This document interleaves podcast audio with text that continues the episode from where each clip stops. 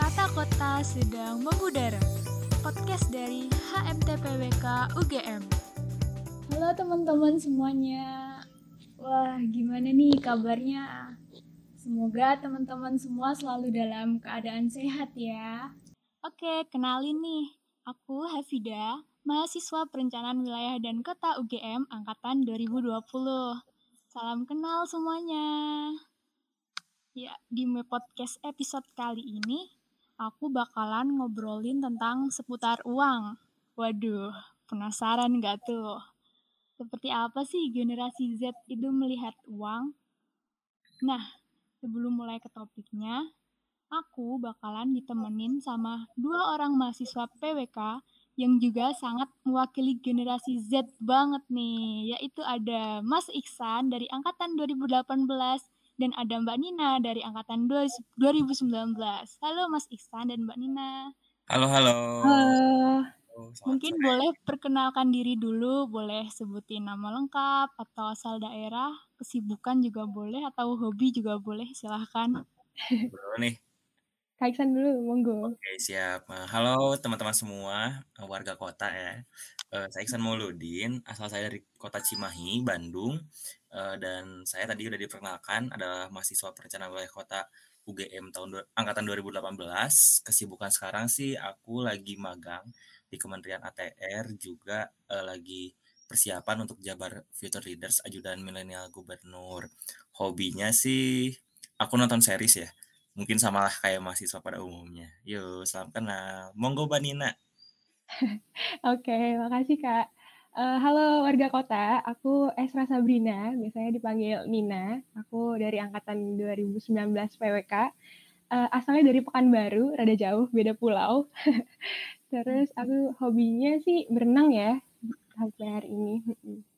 Gitu sih. Halo semuanya, salam kenal. Oke, salam kenal Mas Ihsan dan Mbak Nina. Nah, kali ini aku, Mas Ihsan dan Mbak Nina bakalan ngobrolin tentang pandangan generasi Z terhadap uang. Nah, ngomong-ngomong nih ya, di zaman sekarang nih, apalagi kan di masa pandemi gini, banyak banget orang melihat uang itu sebagai suatu barang yang sangat berharga gitu. Sampai-sampai mereka mencari uang itu sendiri dengan menghalalkan segala cara, begitulah kira-kira istilahnya. Nah, sebenarnya nih, menurut Mas Ihsan sendiri, uang itu apa sih Mas? Kayak mindset Mas Ihsan tuh gimana gitu terkait dengan uang itu sendiri? Uh, kalau dari aku sih sebenarnya uang ini di mata aku adalah alat ya, maksudnya adalah tools untuk mendapatkan sesuatu. Jadi uh, kalau aku agak gak terlalu kayak wah uang tuh harus dikejar dan something like that tapi uh, there's many ways for us to reach something. Jadi ya kalau dari aku sih uang ini adalah suatu alat. Tapi di sini juga uang tuh adalah hal yang sensitif ya karena uh, ada beberapa hal yang membuat uang ini menjadi kadang menunjukkan kemampuan kita atau satu sosial dan sebagainya. Itu adalah hal yang dibuat manusia dan agak jelek ya. Dan kalau aku sih tadi gak terlalu jauh uang itu adalah alat alat untuk mencapai sesuatu salah satu adalah transaksi mungkin seperti itu sih. Hmm, oke okay. berarti kalau tanpa uang kita nggak bisa melakukan transaksi gitu ya mas? Ya kurang lebih kayak gitu ya. Oke oke. Okay, okay. nah kalau dari mbak Nina sendiri apa sih makna uang? Apalagi kan Mbak Nina sendiri gitu sebagai generasi Z sama seorang mahasiswa gitu. Aku hampir sama-sama Kaisan sih ya. Itu basic sih kayaknya. Uang itu alat tukar supaya kita bisa mendapatkan sesuatu atau memenuhi kebutuhan kita gitu. Nah mungkin sebagai mahasiswa pasti kita butuh uang itu untuk misalnya kayak bayar UKT bayar kosan uh, atau peralatan kita kayak buku nongkrong gitu-gitu kan. Kita kayak butuh uang. Nah, terus mungkin sebagai Gen Z, uh, mungkin bisa dibilang juga generasi teknologi ya kita, apalagi kan kemajuan teknologi ya saat ini. Itu kita perlu banget uang buat, kalau menurutku ya buat keep up sama kemajuan zaman sih. Kayak misalnya kita beli perangkat elektronik kayak handphone, laptop, atau mungkin yang uh, sering kita di PWK lisensi software. Nah, itu kan perlu uang ya. kayak ya kan. Jadi kayak kalau menurutku uang itu ya itu untuk bantu kita keep up sama kemajuan zaman gitu sih. Iya sih sebenarnya um, bener banget ya Mbak Nina sama Mas Istan aku juga setuju. Nah kalau menurut aku sih ya memang memang banyak banget gitu orang. Misalnya dari generasi Z itu sendiri yang mendewakan sebuah uang gitu. Jadi mereka melakukan berbagai cara gitu yang kadang tuh perbuatan yang salah untuk bisa mendapatkan sebuah uang. Nah, kalau dari Mbak Nina nih, seberapa penting sih uang itu dan apa yang bisa kita dapetin kalau kita memiliki banyak uang? Waduh. kalau menurutku mungkin yang pertama sih menurutku uang itu seharusnya nggak didewakan ya, tapi mungkin lebih ke dikelola. Jadi kita harus bisa ngelola uang. Terus kalau seberapa penting, bohong banget kalau kita bilang uang itu nggak penting. Karena iya. menurut Iya kan? Karena menurutku tuh kayak uang itu sangat penting karena kita butuh untuk memenuhi hal-hal yang kita butuhkan tadi gitu. Uh, tapi menurutku juga uh, uang ini jadi penting, tapi bukan untuk didewakan gitu. Karena kita butuh untuk memenuhi kebutuhan kita, makanya kita perlu adanya kayak perencanaan keuangan gitu, atau kita bisa mengelola keuangan kita dengan baik. Kayak gitu sih kalau menurutku. Terus kalau pertanyaan yang bisa dapetin apa kalau memiliki banyak uang? Wah kayaknya ini segalanya sih ya. Iya. Ya kan dapat segalanya. Tapi mungkin kalau aku boleh kerucutin itu mungkin kesenangan dan kebahagiaan. Kamu setuju nggak Afida kira-kira kalau aku bilang kayak gitu? Um, bisa setuju bisa enggak sih ya? Karena ada juga yang bilang kebahagiaan tidak bisa dibeli dengan uang gitu. Nah ini nih. Uh, benar benar itu benar sih cuman kalau kita lebih teliti lagi kata-katanya kan kebahagiaan tidak bisa dibeli oleh uang. Itu benar karena dia tidak bisa dibeli. Nah tapi kalau dari sisi aku ya sebenarnya kesenangan dan kebahagiaan itu emang kita sendiri yang bikin. Tapi e, untuk melaksanakan kesenangan itu kita butuh uang gitu. Jadi bukan karena uang kita bahagia tapi uang itu membantu kita melaksanakan apa yang kita senangi kayak gitu sih kalau aku makanya tadi aku bilangnya ada kesenangan dan kebahagiaan. Iya iya benar. Ya kan? Kalau kalau Mas Ihsan nih gimana nih? Uang bisa untuk membeli kebahagiaan gitu nggak sih Mas? Hmm, gimana ya? Yang pasti kebahagiaan nggak diukurnya dari nggak dari uang ya. Cuman kalau sekarang ya mungkin untuk mencapai kebahagiaan itu ada beberapa hal yang mengharuskan kita memiliki uang. Nggak semua ya. Uh, tapi ya di zaman sekarang sih uh, orang-orang pada gitu kan kayak Eh, kita harus punya uang nih untuk mencapai ini ini ini. Aku nggak bisa hidup tanpa uang cina. Wah kan kayak kayak uang itu adalah nyawa gitu kan. Tapi kan harusnya enggak ya. Nah hmm. tapi di sini mungkin tadi aku juga setuju nih sama tanggapannya Nina. E, kalau uang tuh sebenarnya kan untuk mencapai kebahagiaan mungkin caranya iya dengan kita mengelola keuangan tadi.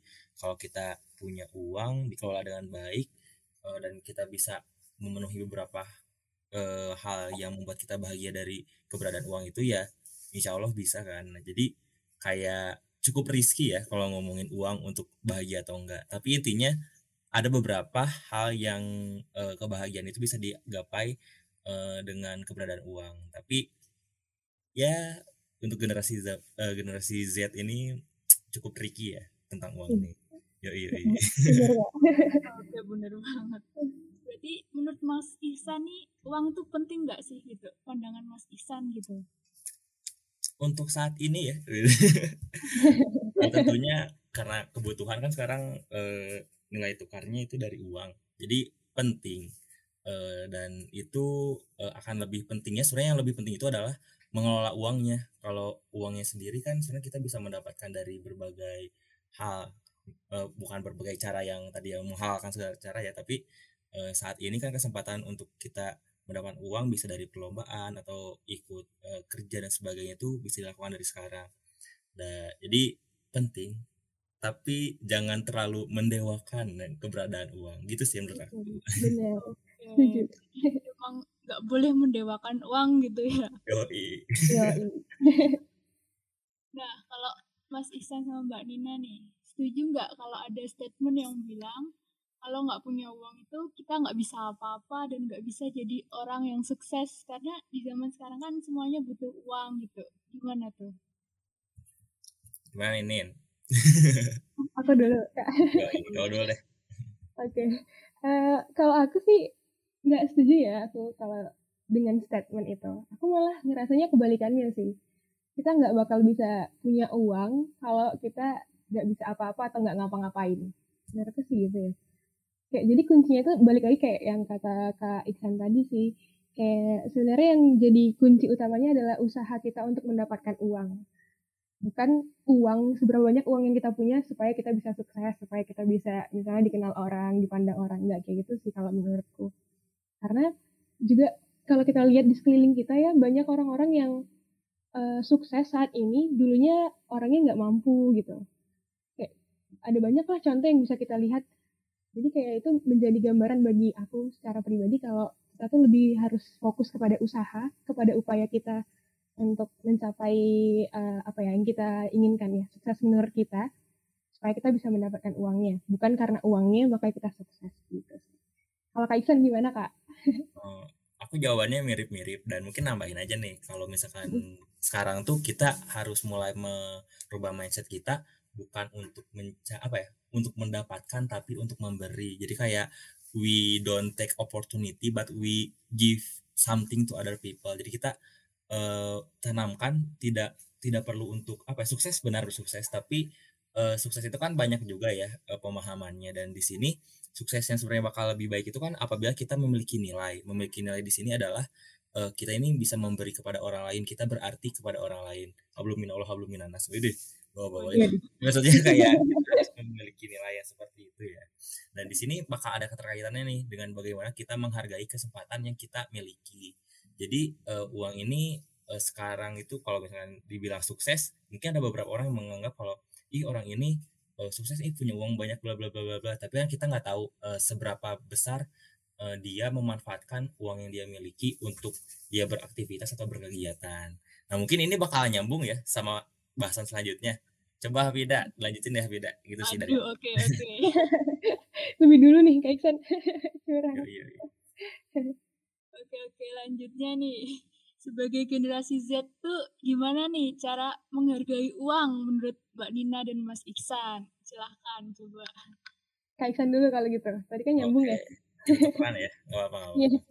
kalau dari aku sih sebenarnya untuk menghargai uang itu kita udah apa ya kayak orang-orang kan udah sering ngomong kayak kita harus lebih hati-hati dan keluarkan uang itu kalau bisa yang menyesuaikan dengan kebutuhan kita jangan keinginan kita di sana sih dan tentunya ya eh, yang udah kita udah ditanamkan sejak dini kepada kita generasi muda ini adalah menabung nah itu cukup penting ya. Jadi uh, intinya jangan terlalu sering untuk memenuhi keinginan sehingga kita kayak kebablasan sedangkan kebutuhan yang kita untuk pengelolaan keuangan ini tidak apa ya namanya?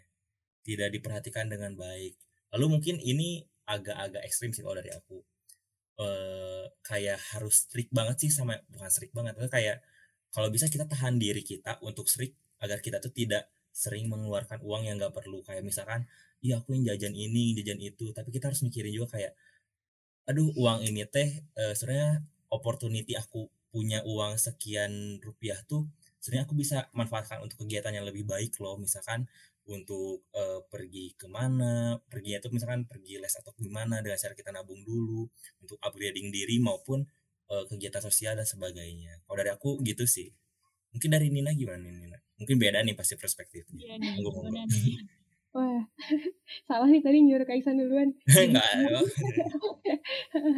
Kalau aku iya sih sebenarnya ya setuju kak. Emang emang kayak gitu gitu kan caranya. Emang kayak nggak uh, kita nggak boleh ngabisin uang kita atau ngebuang uang kita sia-sia gitu kan kayak tadi misalnya. Cuman karena lapar mata terus kita akhirnya beli beli besoknya nggak nggak kepake barangnya gitu gitu kan. Kan kayak sering ya apalagi kalau aku sebagai cewek juga perspektifnya kayak gitu kan. Kayak ini lucu deh ini pengen beli beli gitu kan. Oh, iya, tidak gitu juga nggak sih iya bener banget loh ya kan? Kayak tiba uangnya habis aja gitu ya. iya uh, itu tuh sering gitu karena lapar mata doang kan padahal nggak kepake. Itu sih harusnya kita hindari itu kan terus juga setuju yang tadi kakak Iksan juga bilang tentang menggunakan uang untuk hal-hal yang bermanfaat gitu kayak donasi atau uh, bansos ke teman-teman kita yang membutuhkan itu sangat penting sih kalau menurutku.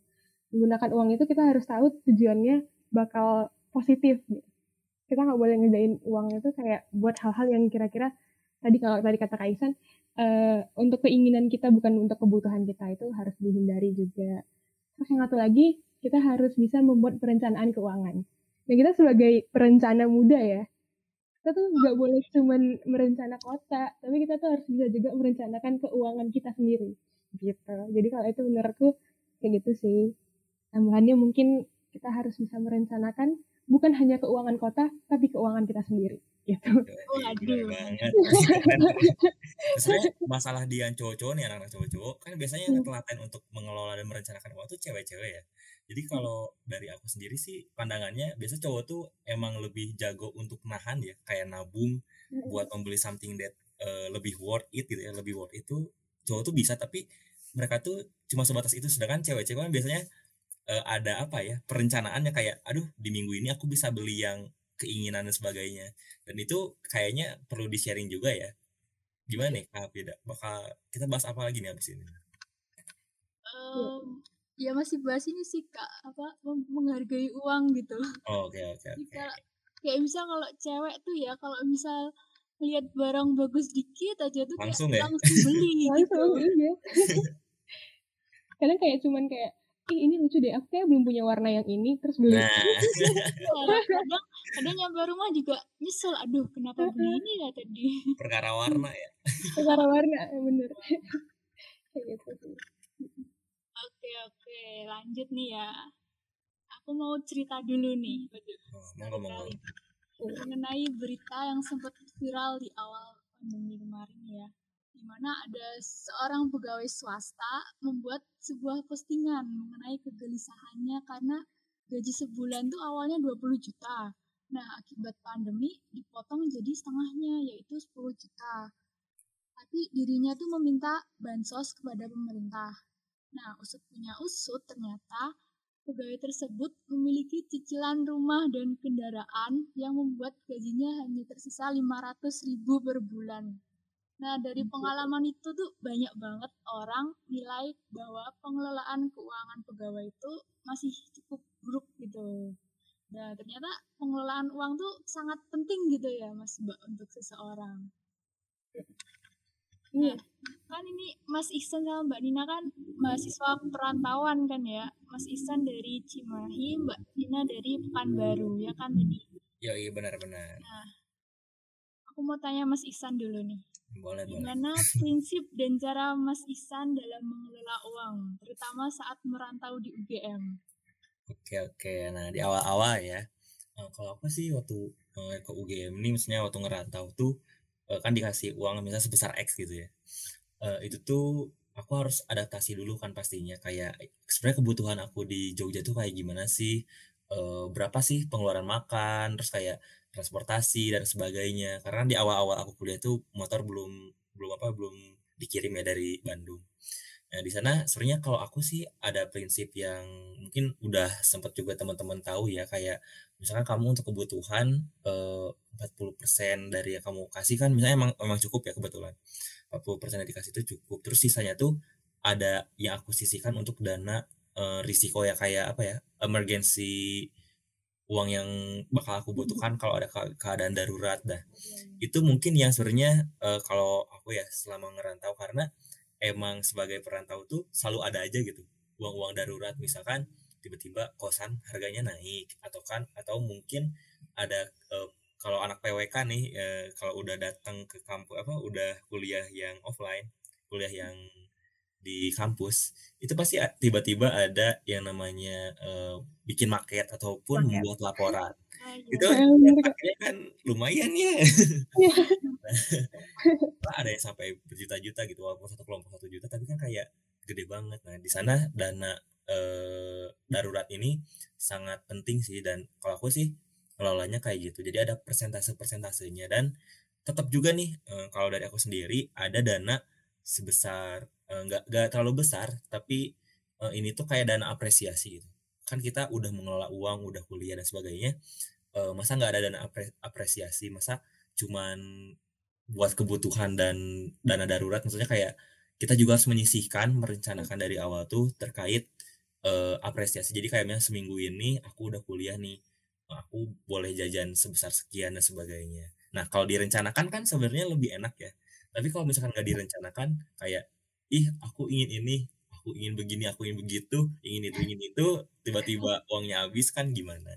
Jadi uh, kalau aku sih gitu. Nah monggo monggo. Oke mbak Nina gimana tuh? Iya. Mungkin kalau Kak Iksan tadi kayak kebanyakan self reward self reward tiba-tiba habis.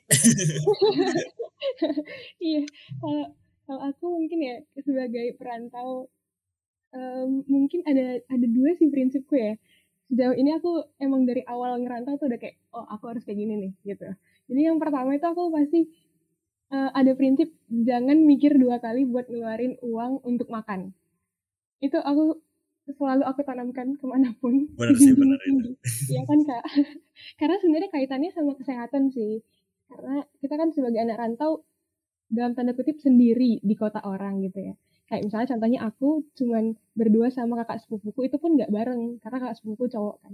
Jadi kayak jarang gitu. Kita pun punya temen tapi nggak mungkin 24 jam ada di sisi kita gitu kan. Jadi kayak suatu waktu misalnya kita sakit di kosan sendiri kan sedih banget ya. Kayak nggak nggak ada yang nolongin gitu kayak sedih gitu. Makanya aku kayak dari berangkat dari pemikiran itu gimana caranya supaya nggak sakit jadi harus banyak makan. Makannya harus teratur gitu. Makanya uang yang ada itu dimanfaatkan semaksimal mungkin untuk makan Nah, jadi, uh, tapi bukan sampai situ gitu kayak karena kita udah nggak mikir untuk ngeluarin uang buat makan, yang perlu kita pikirin apakah makanan itu habis atau enggak. Kalau aku sih gitu ya. Karena kadang kalau kita udah ngeluarin uang untuk makan tapi makanannya malah nggak habis kan mubazir ya jatuhnya. Nah ya, yang dipikir adalah makanan ini harus habis nih kalau aku beli gitu. Itu, itu yang pertama tentang makanan. Okay. Atau oh Hafida belum merantau ya? Atau Hafida Aku Tapi ini anak Jogja asli. Oh, oh Jogja asli. ya. ya udah nih kalau gitu nggak bisa pakai prinsip ini. nggak apa-apa, share aja, share aja, share. Share aja apa. Yang tadi sih itu prinsip yang tadi. Kalau yang yang keduanya prinsipnya mungkin sama yang tadi Kak Iksan bilang cewek lebih terplanning gitu ya.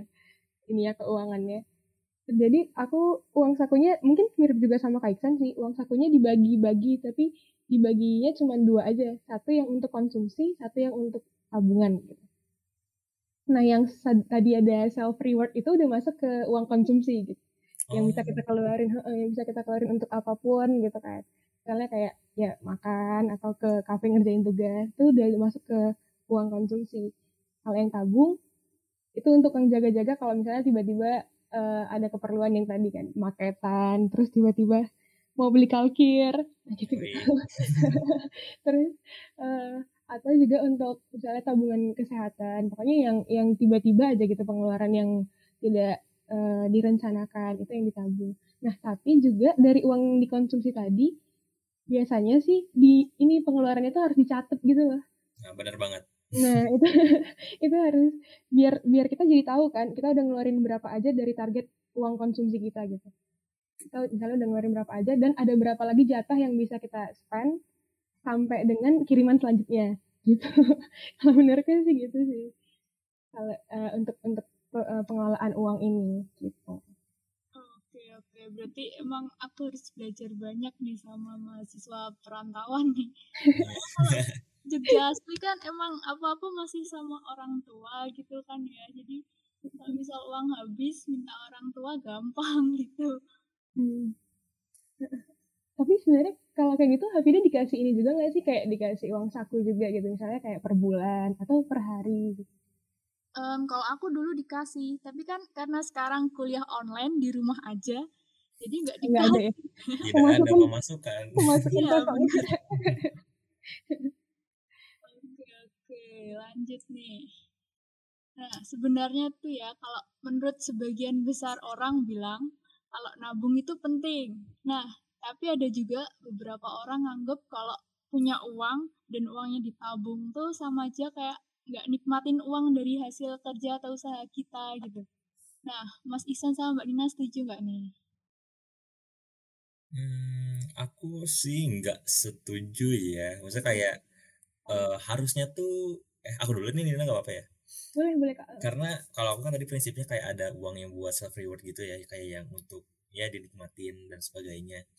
Uh, karena kalau misalkan nggak di planning eh, nggak ditabung kayak gitu bingung nggak ya teh kalau ada sesuatu amit-amit itu ada sesuatu yang darurat dan sebagainya. Uh, jadi aku nggak setuju sih dan kalau misalkan uh, menikmati uang dari hasil kerja atau usaha kita uh, mungkin kalau dari aku sih buat sebagian besar orang yang mungkin berpikir seperti itu uh, there's there's banyak sekali gitu ya. Banyak sekali hal yang bisa kita nikmatin nggak cuman dari uang. Misalnya kita ngobrol dengan keluarga atau apa pun itu bisa bikin bahagia dan bisa apa ya udah bisa dinikmati gitu ya. Jadi kayak nggak deh nabung itu penting. Itu udah ada lagunya kan kayak tang ting tung eh ayo nabung gitu kan. Kayak gitu sih.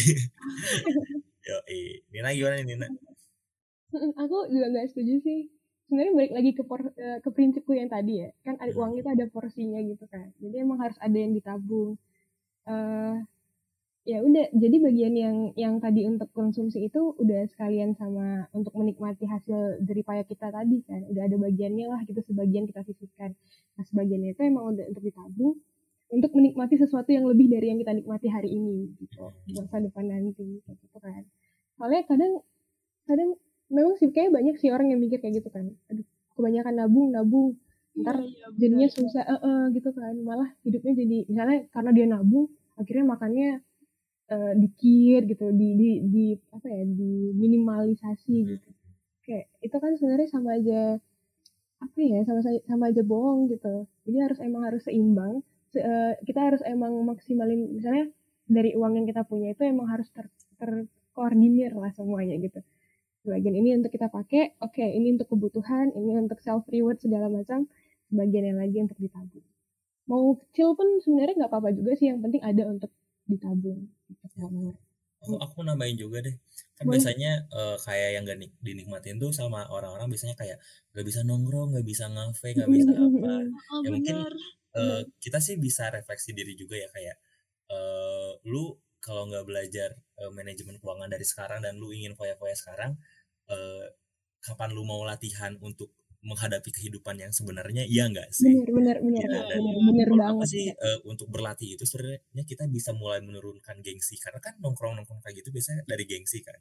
Ya. dan juga kita bisa mencari hal-hal uh, yang baru gitu aja. Kayak mungkin nongkrongnya uh, dari gengsi tadi ya nongkrongnya mungkin sering banget. Jadi ya sedikit-sedikit dikurangin lah dan juga cari aktivitas yang lebih bermanfaat dan juga uh, berma apa ya manfaatnya tuh nggak cuman dari uh, kita gaining skill and something gitu ya tapi juga dari segi biaya dan waktu juga bermanfaat gitu jadi kita harus melihat opportunity-nya tuh lebih banyak lagi kayak gitu sih kalau dari aku Iya.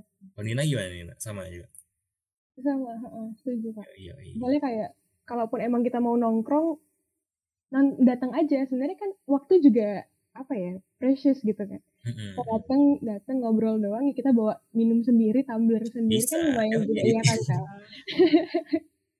Jadi promo map project oh enggak. Iya iya oh enggak. Uh, jadi kayak daripada beli air di sana kan ya iya. bawa tumbler bawa air sendiri gak apa-apa. Iya gak apa-apa. Yang penting kan datangnya gitu kan iya benar. Lumayan kan ya air berapa coba kalau di kafe lumayan iya. itu. Nah tapi kan kalau misal ditabung gitu ya misal mau beli baju A gitu harganya mahal. Nah karena ditabung tuh uangnya jadi berkurang nggak bisa beli baju A gitu. Terus gimana tuh kalau Mas Isen sama Mbak Nina kalau pengen membeli baju gitu? Kalau siapa dulu nih? Sarah eh, Nina dulu deh. Aduh. Membeli baju membeli baju ya. Aduh cewek ribet lagi nih bajunya. Kalau membeli baju mungkin kalau dari pengalamanku ya kalau membeli baju itu tergantung urgensinya sih. Misalnya misalnya kita beli gini kita kan udah nabung uang ya. Berarti tadi kalau katanya Hafida berarti uangnya kayak berkurang untuk beli baju yang bagus tapi mahal itu kan? Iya. Oh, iya iya gitu. uh, jadi kayak kita sebenarnya mikir lagi ini emang penting banget nggak sih kita beli baju ini gitu buat hmm. kalau emang penting banget uh, sebisa mungkin berarti kita kan kalau tadi aku balik lagi ke bagian porsi yang konsumsi kan pasti ada pembagiannya. Misalnya kayak dari konsumsi itu ada untuk makan ada yang untuk kebutuhan ada yang untuk nongkrong ada yang uh, untuk bisa dipakai self reward gitu-gitu kan. Nah dari situ ada sesuatu yang perlu kita tekan supaya kita bisa beli baju itu gitu.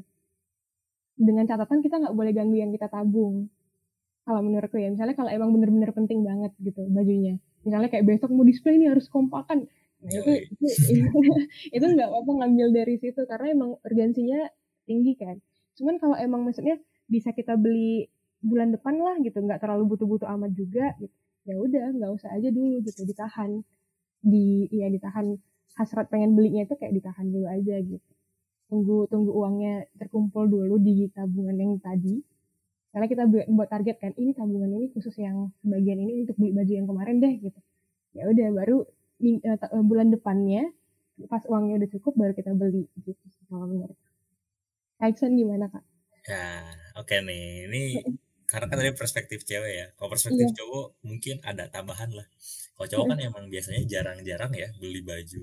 Tapi uh, cowok ini aku punya cerita nih. Kayak kemarin teman-teman aku atau aku lagi di Jogja kayak ada promo lah tau lah promo apa ya malam-malam tengah malam itu terus kayak pada mau apa mau check out nih beli baju aku kayak aduh ingin juga nih. Tapi aku mikir kan kayak emang dari kata kata Nina bener sih emang gue butuh butuh banget ya baju. Duh bajunya kayaknya masih banyak deh kayak gue buat apa sih nih baju? Emang gue mau ngeliatin ke siapa gitu? Tinggal mix and match aja dan sebagainya. Terus kayak kalau dipikir-pikir walaupun emang bisa gitu ya uh, mulai sekarang sih mulai tahan-tahan aja. Kadang uh, kebutuhan pakaian tuh bisa dibilang nggak jadi prioritas ya. Maksudnya kayak uh, ketika kamu udah punya yang asalnya itu jadi kebutuhan primer malah jadi tersier gitu. Ketika kamu sudah pasti ya kita sampai sekarang sampai umur sekarang mungkin 20 21 atau 22 nih udah terpenuhi gak sih kebutuhan sandang kita? Maksudnya kebutuhan pakaian kita. Iya, ya, iya, iya, jadi kayak untuk yang tersiernya pikirkan lagi gitu. Uh, ya kita mulailah dari sekarang karena uh, sayang banget itu kalau misalkan emang buat membeli itu. Tapi kata Nina tadi ja, kalau misalkan emang mau dan emang ternyata itu udah uh, misalkan yang pakaian atau barang-barang kita planning itu udah ada di rencana anggaran biaya yang kita udah bikin ya sikat aja gitu kan. Iya, tapi maksudnya jangan sampai uh, kamu mengorbankan keinginan apa mengorbankan planning kamu uh, cuma gara-gara keinginan yang selewat doang gitu. Kayak gitu sih iya. kalau dari aku ya iya, iya. nah berarti kesimpulannya uangnya harus ini ya apa untuk memenuhi kebutuhan dulu ya bukan Yoi. untuk keinginan gitu ya. Di, diatur-atur dulu deh pokoknya. Iya. Porsi kebutuhan dan keinginannya, yoi. Oke oke, bang ternyata pandangan Gen Z ini mengenai uang sangat bervariasi dan menarik. Oke terakhir nih, boleh, kasih boleh. sepatah dua patah kata deh buat uang, pandangan tentang uang gitu. Kirain tadi buat uang. pandangan tentang uang ya Siapa dulu kak? Anina dulu deh, boleh boleh. Wah berat nih, pandangan tentang uang. Uh, mungkin kalau mengutip dari yang kita udah omongin, uang itu ada untuk kita kelola, bukan untuk kita dewakan. Jadi jangan uh, berusaha mendapatkan uang dengan cara-cara yang ya menghalalkan segala cara gitu. Pakai aja cara yang halal, cara yang positif, dan gunakan uang semaksimal mungkin untuk hal-hal yang benar-benar bermanfaat. Jangan karena lapar mata akhirnya menyesal karena udah kehabisan uangnya. Itu sih kayaknya. Oke siap. San gimana nih? Kalau dari aku sih sebenarnya dua kata ya mungkin ya. Uh, bi eh, tiga deh bijak terhadap uang. Bijak di sini tadi udah disebutin sama Nina juga sih. Uh, kita pentingkan dulu kebutuhan baru keinginan tapi kita juga bisa sih uh, membuat uh, apa namanya melihat uang ini sebagai opportunity untuk lebih dikembangkan untuk kita mengelola keuangan ini. Nah kita menggunakan uang menabung menabung menabung. Ketika kita tabungannya ternyata dirasa cukup untuk melakukan usaha nih sejak dini uh, dan kita mampu dirasa mampu untuk mengelolanya bisa juga nih uh, kita mengelola keuangan itu. Jangan sampai uh, uang itu menjadi hal uh, menjadi pundak kalian untuk beraktivitas tapi jadikanlah uang itu sebagai alat saja gitu alat untuk kalian beraktivitas. Maksudnya jadi ada uang gak ada uang pun kalian tetap bisa beraktivitas. Bijak aja dan manfaatkanlah uang ini dengan sebaik-baiknya. Jangan terlalu dipikirkan kayak dewa banget nih. Uang gue gak ada uang nih. Jangan jangan. Bijak dalam menggunakan uang. Yoi. Betul. Nah karena emang udah sekitar 30 menit nih kita ngobrolin tentang uang seperti pandangan uang dan cara mengelolanya. Nah, sekarang waktunya aku, Hafida, Mas Isan, dan Mbak Nina pamit undur diri dulu ya. Terima kasih teman-teman udah mendengarkan. Sampai ketemu di episode selanjutnya.